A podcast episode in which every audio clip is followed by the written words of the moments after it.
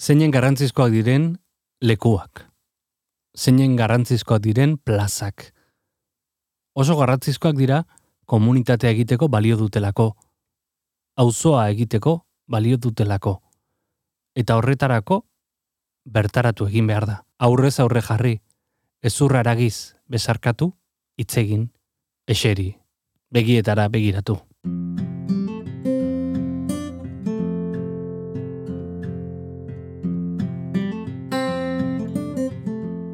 Eta kultura hori da, kulturak hori albidetu du historian zehar. Kultura funtsean, elkarbanatzen dugun zerbait da. Kontsenso bat, ez da konstante bat. Gauden lekura, gauden modura ekarri gaituena. Gaur bi plaza izango ditugu ispilu beltzean. Bi plaza oso ezberdin, baina donostian egingo direnak. Bata, astero-astero ekartzen duguna, kresala zinekluba. Eta kasu honetan, pobrezia zero taldearekin batera antolatutako proiektzio batean. La Caja Filma zitzeingo digu Pedro Saldainak. Kresala Zineklubak, zinezaleak elkartzen ditu astero-astero trueba zinemetan. Hor dago plaza. Hor dago itzordua.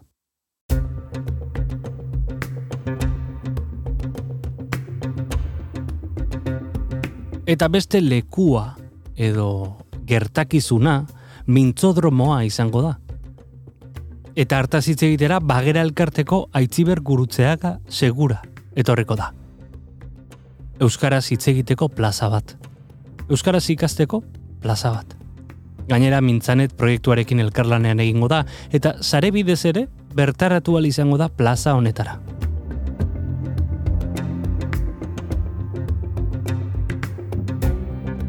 Donostian auzo asko ditugu.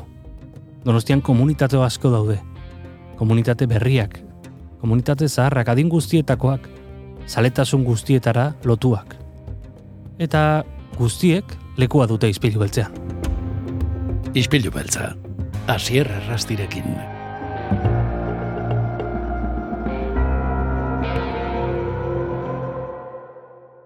Egunon eta guazen gorko saioarekin. Ispilu beltza, astelenetik ostiralera, asier errastiren eskutik, Donostia Kultura Irratian, edo dena delako podcast plataforman. Eta mintzodromoa hitz egiteko gaur gurekin dago Aitziber Gurutzeaga, segura, egunon? Aitziber? Kaixo, egunon.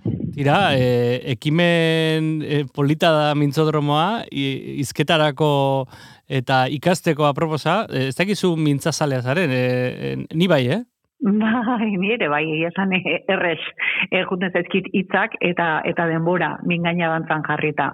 Bai, bai, bai, denbora pasa ederra izaten da lagun artean eserita hitz egiten jardutea, entzuten ere jakin behar da baina. Bai, hori da, itzegin eta entzun, hori de, importantea da, gainera e, belarria egitea, besteek zer esaten duten eta hori jaso, eta gero, e, hau da, hori prozesatu, eta zuk ere, hola, zuzen eta egokiago edo e, botatzeko, ez da?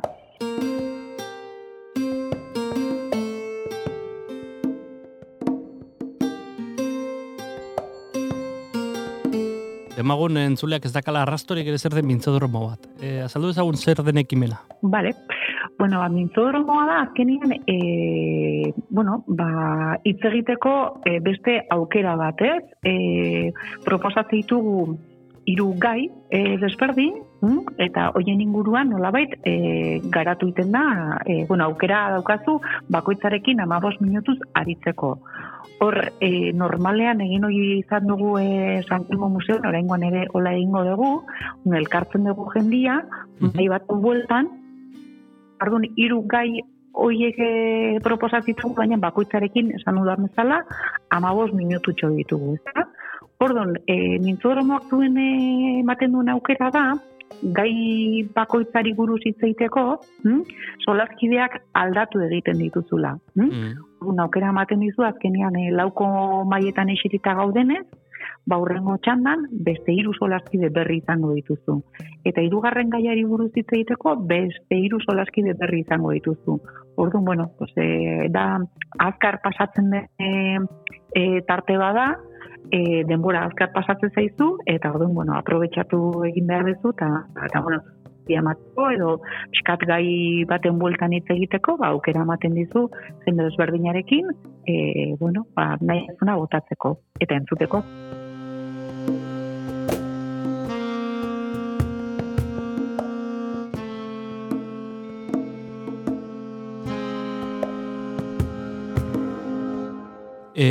Bueno, deno daukagu lagunen bat Euskara ikasten animatu dena, edo Euskara ikasi duena, eta zeinen garrantzitsua den mintzalagunaren papera? Hori da, bai, e, azkenian e, mintzalagunak eskaintzen duena da, hau da, e, Euskara ikasten ari diren ikasle guzti horiek Euskaltegian jasotzen duten guzti hori, zagutza hori, e, praktikan e, jartzeko, ba, aukera hori ez da. Horrek emate izu mintzalaguna, edo kasu honetan mintzoromoa, dala, piskat mintzalagunetik datorren e, jarduera bat, bai. e, praktikan daukazu, oza, ezagutza edo prakti, e, teoria hori, bai. praktikan nola jartzeko, ez? Beti ere, edo zein hizkuntza menperatzeko, ezinbestekoa da ezagutzea, eta eta erabiltzea. Biak e, bi arloiek e, ondo egin barrituzu, benetan edo zein hizkuntza e, menperatzeko ez da. Mm -hmm. Ondo pasatzeko ere bateri izango da, suposatzen du, zein da zuen esperientzia, bagera algartetik?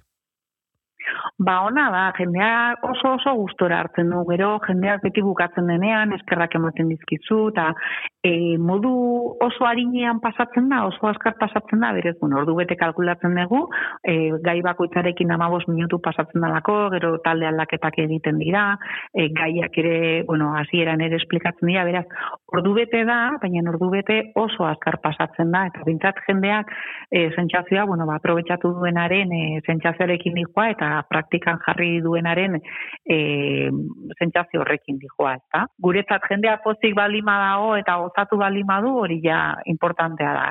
Hau da, hizkuntza erabiltzea eta gozatzea, ba, ba biak bat egiten ditugu. Gauza mm? importantea da, zalantzari gabe. E, donostia, bueno, askotan esaten da, ez? E, dono, badagoela Donostia eta badagoela San Sebastian, ez? E, badagoela e, komunitate bat, e, akaso, ba, euskeratik urrun dagoena, zeuek zeuen jardunetik nola bizi duzue hori, e, ze perfiletako jendea ezagutzen duzue?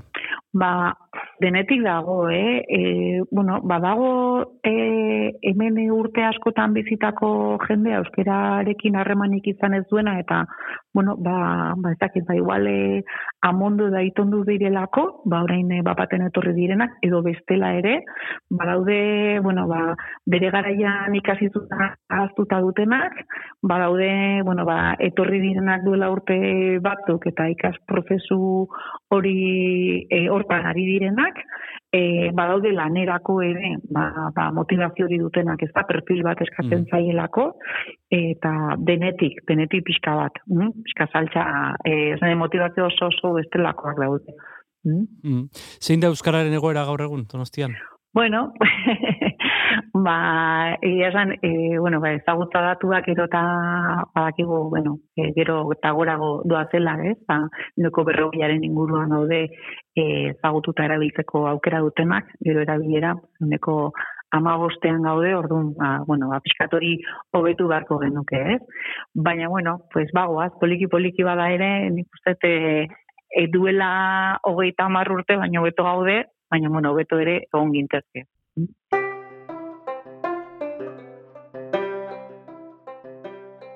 Mintzanet proiektua ere e, parte hartzaile da, e, Mintzanet e, e, zarearen bidez mintzalagunekin solasteko proiektua. Hori da. Ba, ebizkat, bueno, mintzalagunean e, aurrez aurreko formatua da, hau da, aurrez aurre, astean behin jende alkartzen da, eta ba, plan bat egiten du e, mintzamen alantzeko aitzakiarekin, mm. eta mintzaneten ordean, e, online edo sare bitartez egiten den e, mintza praktika zaioa da. E, desberdintasuna da, ba, aurrez aurrekoan, ba, egon daitezkela irudo lagun, eta e, mintzanet zarean e, kasu honetan e, bat eta bat egongo lirateke bai, hau da bide lagun bat edo euskera zitzaiteko itura duen pertsona eta praktika behar duen bestea. Ja, beti ere, pues, ordena gaiu aurrean, eta ez dute e, toki berean egon beharri geografikoki esan nahi dut. Mm batzutan gerta daiteke ba Donostian bertan egotea, baina beste kasu batzutan ba ba diaspora egon daiteke beste norbait izan daiteke. Hm? Hori pixka bat eh, oinarrian eh, duten desberdintasuna. Mm. Baina beti ere praktikatzeko e, beste modu bada. Askotan maiz gertatzen zaigu mm, denbora gutxi daukagula, e, ma behar bada pues, e, topera gabiltzalako ba, lana edo zaintzak bestelakoak, eta bueno, bagian hogei minutu ditugu, edo ordu erdiko bate astean, bueno, pues desplazatu gabe, ba, zarearen bitartez etxean bertan, ba, ba ematen dizu beste aukera hori, ez, mintzanetek. Mm mintzanet proiektua, e, e, komentatu izan dugu izpilu beltzean. Tira, e, gukala ere gomendioa ingo dugu aurrez aurreko bilera horretarako, en urriaren emezortzian izango da, Santelmo Museoan, eta gogoratu dezagun berriz, e, visualizatu dezagun zein da prozedura, nola parte hartu nahi duen norbaitek ez duen ezagutzen kontua, nola, nola egin behar du? Bueno, ba, bagerara deitu, e, bederatzi lau iru 00 bost 0 zazpilau telefonora edo mintzalaguna abildua bagera puntu eus e, elbidera mezu bat bidali eta eta izena eman bitxan egongo dira bat goizeko amarretan izango da eta bestea goizeko amaiketan hm? biak segidan izango dira aukeran ere bitxandetan ere tokiagunezkero ere parte hartu daiteke hm? Mm Ordune Oxe, ordu bete txori bali madaukaz, eta mingaina askatzeko gogua eta parte hartzeko gogua, ba hor aukera polita. Mm?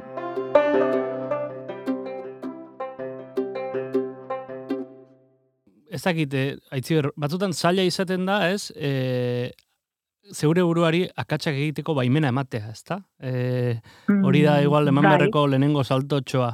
Hori da lehenengoa. E, edo zin izkuntzatan, e, hau da, e, ikasten ari gara momentutik ezin dugu e, perfecto egin. Hm? Mm. askotan eta euskerarekin hori pasatzen da. Eta, e, askotan e, turista batek galetzen dizunean ez dakitzel bide ingelesez, lizentzia guztia bueno, ba, ematen dugu gure buruari, e, ateratzen zaigun bezala botatzeko eta kats bat egiten bali madegu ez zer pasatzen. Baina badirudi euskerarekin dana aziratik ondo egin behar degula. Ez? Bueno, pues azkenean akatsak egin egin behar dira, gero zuzenduko dira denborarekin, hori ere importantea da, mm. baina e, perfecto hitz egiten astea e, ezinezkoa da akatsak egin gabe. Orduan guk beti esaten dugu akatsak egin egin behar dira, eta gero ba, denborarekin jungo dira horiek zuzentzen baina erabilin behar da hoiek hobetu izateko. Hmm, e, erori egin behar da ibiltzen ikasteko, ezta? Hori da, e, bizikletan ikasten dugun bezala, e, bizikletan ibiltzen ikasten dugunean, ba, erori egiten gehan bezala, ba, izkuntzarekin e, ba, berdin, berdina, mm metafora berdina erabili behar dugu.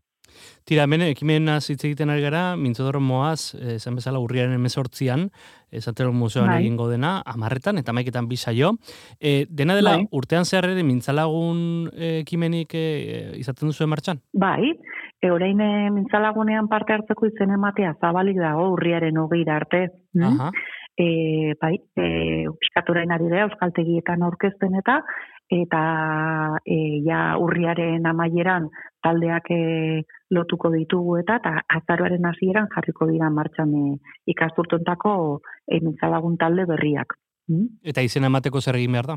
Bueno, bat horri daiteke e, gure bulegora, gu gaude hernanik alean, amabos garren zenbakian, edo bestela bagera.eus e, webgunean ere, e, bueno, ba, izena eman daiteke, mm? formulario bat bete, eta horrela ere bideratu daiteke izen ematea. Mm Tira ba, horra, gomendio asko gotatzen ari gara, e, batetik mintzodromora apuntatzeko, urriaren emezortzian, sasoi e, ederra izango da Euskaraz mintzatzeko, e, erortzeko eta altxatzeko, eta, eta gero ba, izen ematea, ez, e, mintzalagun ekimenean ere, e, urriaren ogeir arte zabalik dagoela, gogoratzen dizuegu entzule, Eta, itziber, esango dizut, e, mila esker izpilu beltzera gerturatzeatik, eta sorte hon, ea, ea mintzodromoan e, kalapita sortzen duzuen? Hori da, ba, mila, mila esker zuei. Bezarka hondi bat? Bale berdi. Agor, agor. Ispilu beltza, donostiako kulturaren isla. Kresala Zineklubeko tartearen txanda iritsi da, hemen Donostia Kultura Erratian, izpilu beltzean, astero-astero, zinemak bere zita dauka e, gurekin, eta horretarako gerturatu zaigu Pedro Saldaña.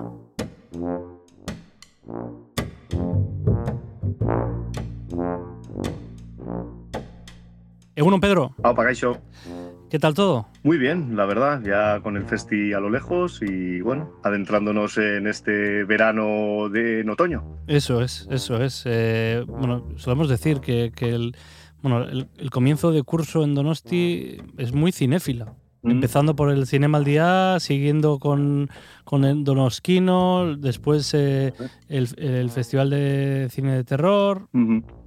Sí, sí, sí, realmente no nos podemos quejar de la oferta y luego cuando empieza el año que viene, pues también ya, a, no sé si es en marzo o en abril, el Festival de Derechos Humanos. La verdad es que no nos podemos quejar en Donosti de la oferta cinematográfica, además de la oferta de cines comerciales y la nuestra de Cresala. Realmente, yo creo, ah, bueno, y Tabacalera, Nosferatu, etcétera. Sí. Yo creo que es una ciudad en la que no nos podemos quejar del cine, desde luego. Hay cine para todos y todo el año. Eso es.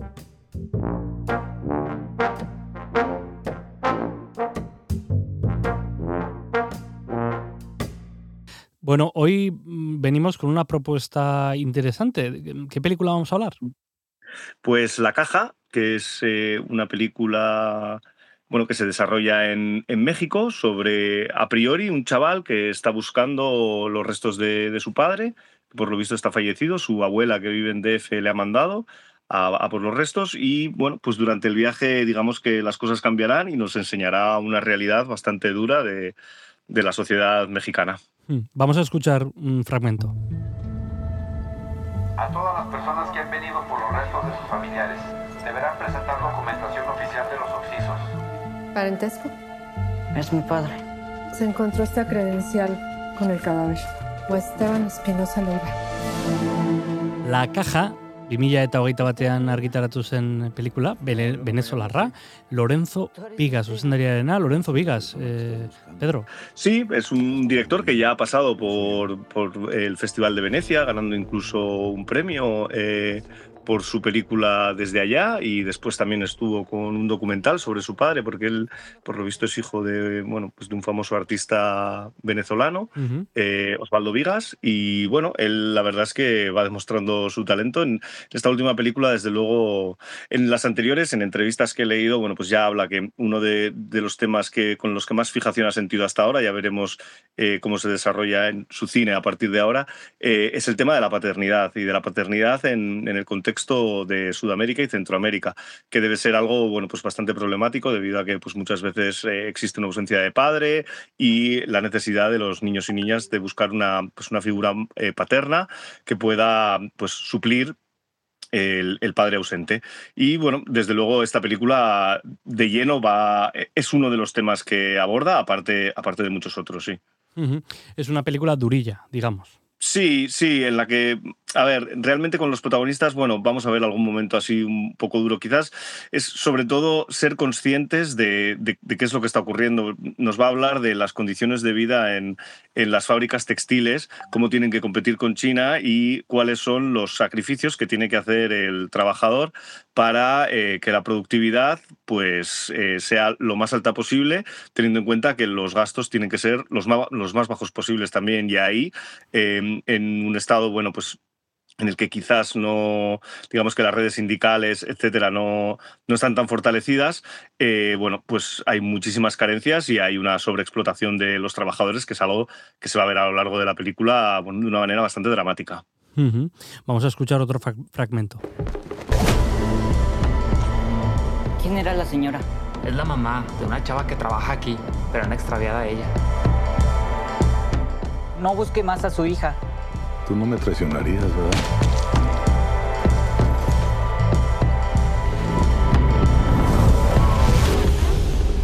Y al final lo único que queda es la familia. Estamos hablando con Pedro Saldaña, estamos hablando del Cineclub Cresala y, eh, Pedro, estamos hablando de una colaboración con Pobreza Cero. Sí, una asociación con la que ya tradicionalmente durante bastantes años hemos venido haciendo colaboración. Ellos nos suelen proponer alguna temática y bueno, juntos intentamos encontrar una película eh, bueno, pues que se adecue, por un lado, a, que, nosotros creamos que sea una película que, merece la pena verse y que además contenga eh, ese mensaje o ese tema que a Pobreza Cero eh, le interesa. En, este caso son las condiciones de trabajo en la industria textil lo cual es un tema como bastante específico, pero mm. bueno, pues viendo unas cuantas películas, no, no, solo La Caja, porque hemos tenido oportunidad de ver alguna otra, bueno, es, es, un tema en según qué países, bueno, pues eh, se, aborda de, maneras distintas. Por, por, ejemplo, vimos una italiana en la que, bueno, el problema era otro, el problema era que les quitaban 15 minutos de, descanso. En esta película ya veremos que el problema es, mm, digamos que mucho más gordo, mucho más profundo, mucho más preocupante y, bueno, pues que hace que que, como decía antes, que las condiciones de vida de, los trabajadores sean demasiado duras para, bueno, para, para ser un, trabajo con el que se supone que bueno, se te tiene que brindar una protección y un descanso asegurado, etc. En ese sentido, bueno, Pobreza Cero, otros años, recuerdo yo creo que fue el año pasado, hace dos años también, era sobre bueno, eh, el tema médico, sobre seguros mm. médicos, etc. Pusimos una película de Dani Stanovic, que es un, bueno, un director bastante reputado eh, diría que es bosnio, pero bueno, ahora mismo no recuerdo exactamente su, nacionalidad, es de, los Balcanes. Eh, siempre intentamos eh, poner alguna película, bueno, pues que por un lado, como decía antes, tenga mm, un lado cinematográfico que sea interesante y por otro lado, un lado humano también y de reflexión sobre cómo funciona nuestro mundo y qué cosas somos conscientes de que deberíamos intentar que cambiasen. Mm, evidentemente el cine nos, nos muestra la realidad mediante la ficción. Eh, se dice que, la ficción, eh, que la realidad supera la ficción. No sé si siempre se da, pero, pero sí que la caja nos muestra, eh, pues bueno, esa faceta tan, tan dura del trabajo también. en colaboración con Pobreza Cero, como hemos dicho, una película que ganó el León de Oro. esta... Mm, o, estuvo nominada, quizá. Ah, bueno, sí, sí, probablemente sí estaría en, sí, en el, ¿cómo se llama? En el, eh, eso es, en el, en el, en el festival. Sí, eh, de hecho estoy viendo, perdón, porque sí, ganó el Gran Premio del Jurado la caja y el mejor guion también. Realmente, bueno, eh, es una película, yo creo, sobre todo por cómo trata el tema. También hay que decir que el actor protagonista, en, una entrevista contaba el director, eh, que es un actor, bueno, que hizo castings y era un actor no profesional, o sea, cogió a alguien, bueno, pues que realmente le pudiese dar esa frescura, esa mirada también un poco eh, entre ingenua y, y digamos que misteriosa, eh, porque bueno, luego el, chaval ya iremos viendo pues, las cosas que hace y las cosas también que se, ve, que se ve obligado a hacer. Y realmente, bueno, no me extraña que haya tenido bueno, un paso bastante bueno por, por, festivales porque, como digo, tanto, tanto el tema como cómo, cómo, los personajes están construidos es bastante interesante. Y en este sentido, bueno, pues contar con actores no profesionales, que nosotros ya hemos echado también alguna película eh, con estas mismas características. Y, bueno, realmente suele ser muy interesante el resto del elenco, sí que... Eh, bueno, también hay muchos a los que coge, hay uno, de hecho, bastante concreto que sale un par de veces en la película que repite exactamente lo mismo. Y, que, bueno, él decía también que era un albañil que, que, que cogió por ahí y que realmente, bueno, pues eh, sí que tiene bueno, actores, por un lado no profesionales, pero también por otro, ah, es que ahora mismo no me acuerdo del, actor principal, pero bueno, realmente, que es el que hace un poco de padre del protagonista, realmente bueno, está caracterizado de una manera muy potente. Tiene un lado humano, pero también tiene un lado muy agresivo. Y bueno, yo creo que la gente que venga a disfrutar de la película eh, va a poder, yo creo que apreciar eh, eh, bueno, pues la transformación de estos personajes y cómo es su vida, qué decisiones se ven obligados a tomar, cómo no estamos de acuerdo con las decisiones eh, que toman y bueno, de todo ello hacer un compendio e, intentar aprender un poco de, como decía antes, cómo son las condiciones de trabajo en, en esa zona. ¿El actor puede ser Hernán Mendoza? Sí, exacto, Hernán, ah. Mendoza, sí. sí, sí, es eh, bueno, eh, llena la pantalla cada vez, cada vez que sale y además tiene una relación de complicidad con, con, el niño, con el protagonista, que es, como decía antes, muy, muy interesante. Bueno, eh, vamos a tomarnos un descanso y volvemos para despedirnos. Ispilu beltza, astelenetik ostiralera, asierre rastiren eskutik, donostia kultura irratian, edo dena delako podcast plataforman. Kresala zinekulueko lagunekin beti da plazera hitz egitea, beti da plazera beraien saioetara gerturatzea, eta esan bezala, ba, oraingoan La Caja filma ikusi izango da Trueba Zinemetan. En, Pedro, ¿qué tal está yendo el comienzo de curso en, el, en Cresala? Bien, como los años anteriores. Eh, tras la pandemia, bueno, eh, tuvimos, es verdad que tuvimos un momento muy bueno con, con las películas de Wong Kar Wai cuando hicimos la retrospectiva, realmente lo petamos, incluso llegamos a abrir una segunda sala hasta que, bueno, desafortunadamente nos quitaron una subvención y no pudimos eh, seguir abriéndola porque de aquellas las sesiones eran totalmente deficitarias Mm. porque había distanciamiento social, entonces solo se podía eh, tener, bueno, y hemos tenido, si no recuerdo mal, también el 40% del aforo y co- cosas así. Sí. Pero bueno, la verdad es que se va recuperando. El buen tiempo no es, el, no es siempre tampoco el, el mejor aliado para, para ir al cine, pero bueno, la verdad es que estamos bastante contentos porque bueno, tenemos una base sólida de, de amigos, que es una, una figura de asociado que, que sacamos hace ya creo que dos temporadas.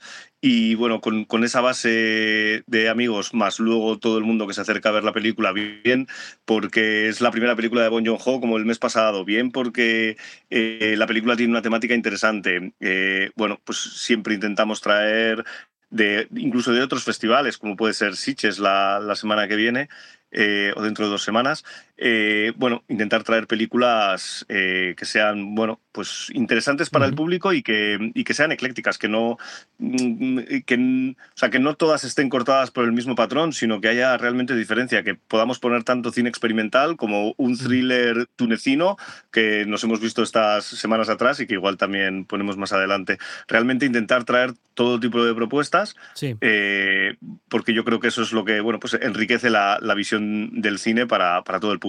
Sin duda alguna, eh, invitamos mañana martes 17 de octubre a las 7 en Trueba. Estoy- Siete y media. Siete y media, eh, correcto, en Trueba, en los cines Trueba, La Caja, eh, el- esta película que se proyectará en colaboración con eh, Pobreza Cero, en la película de Lorenzo Vigas. Eh, Pedro, invitar a todos los oyentes a que acudan y un abrazo desde aquí. Muy bien, muchas gracias, Oyer. Nos vemos. Un abrazo, agur, Hasta agur. luego. Agur. وعدتني نجمة بوليساريو كلمتني نجمة بوليساريو جاوبتني نجمة بوليساريو وقالت لي على الحرية جاي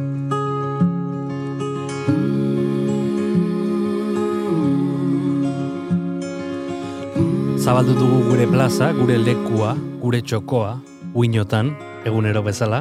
Zabaldu dugu izpilu beltza, kendu diogu manta, eta begiratu gara. Bertan, ikusi dugu gure isla, gure hiriarena, gure komunitatearena, eta bi proiektu interesgarri ekarri ditugu gaurkoan. Baina hemen jarraituko dugu, egunero egunero, zurekin, Donostiako kulturari errepaso bat emanaz, komunitate guztiei zabalik. Eta gaur agurtzeko, Isar Horizariar bat entzungo dugu. Einaute lorrieta eta olaia intziarte. Besterik ez, besarkada bat, eta bihar arte. Zuere oroi minez hitzartu. Da distantziaren hautsak mintzen alzaitu Haien eberak hartzen gaitu.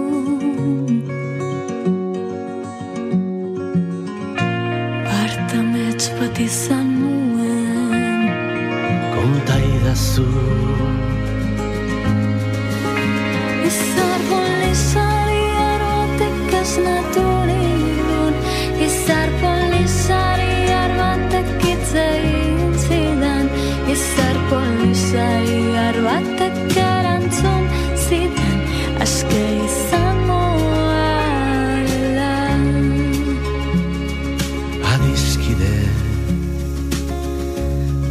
nahi dizut kantatu.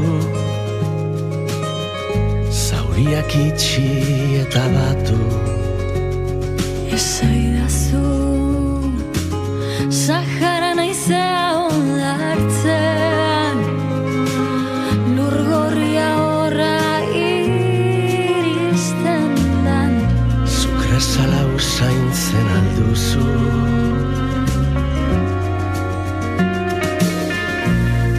eta amets bat izan nuen Kontaia zu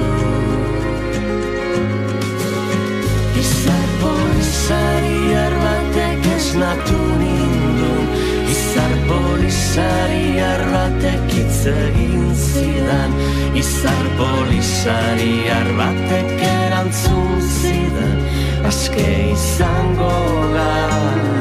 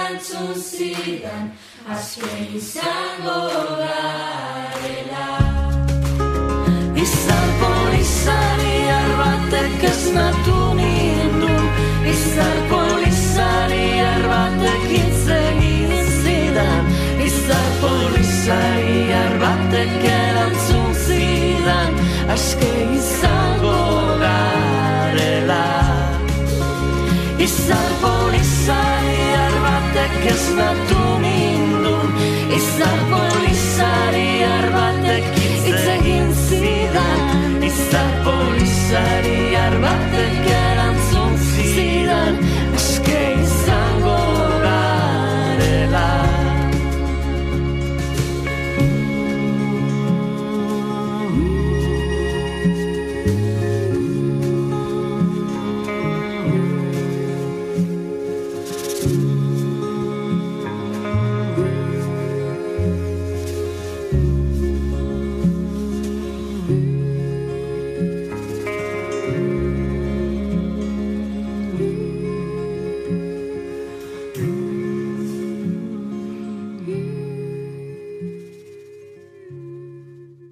Ispilu beltza podcasta entzungai duzu, Spotify, Apple Podcast, Google Podcast eta beste hainbat audio plataformatan.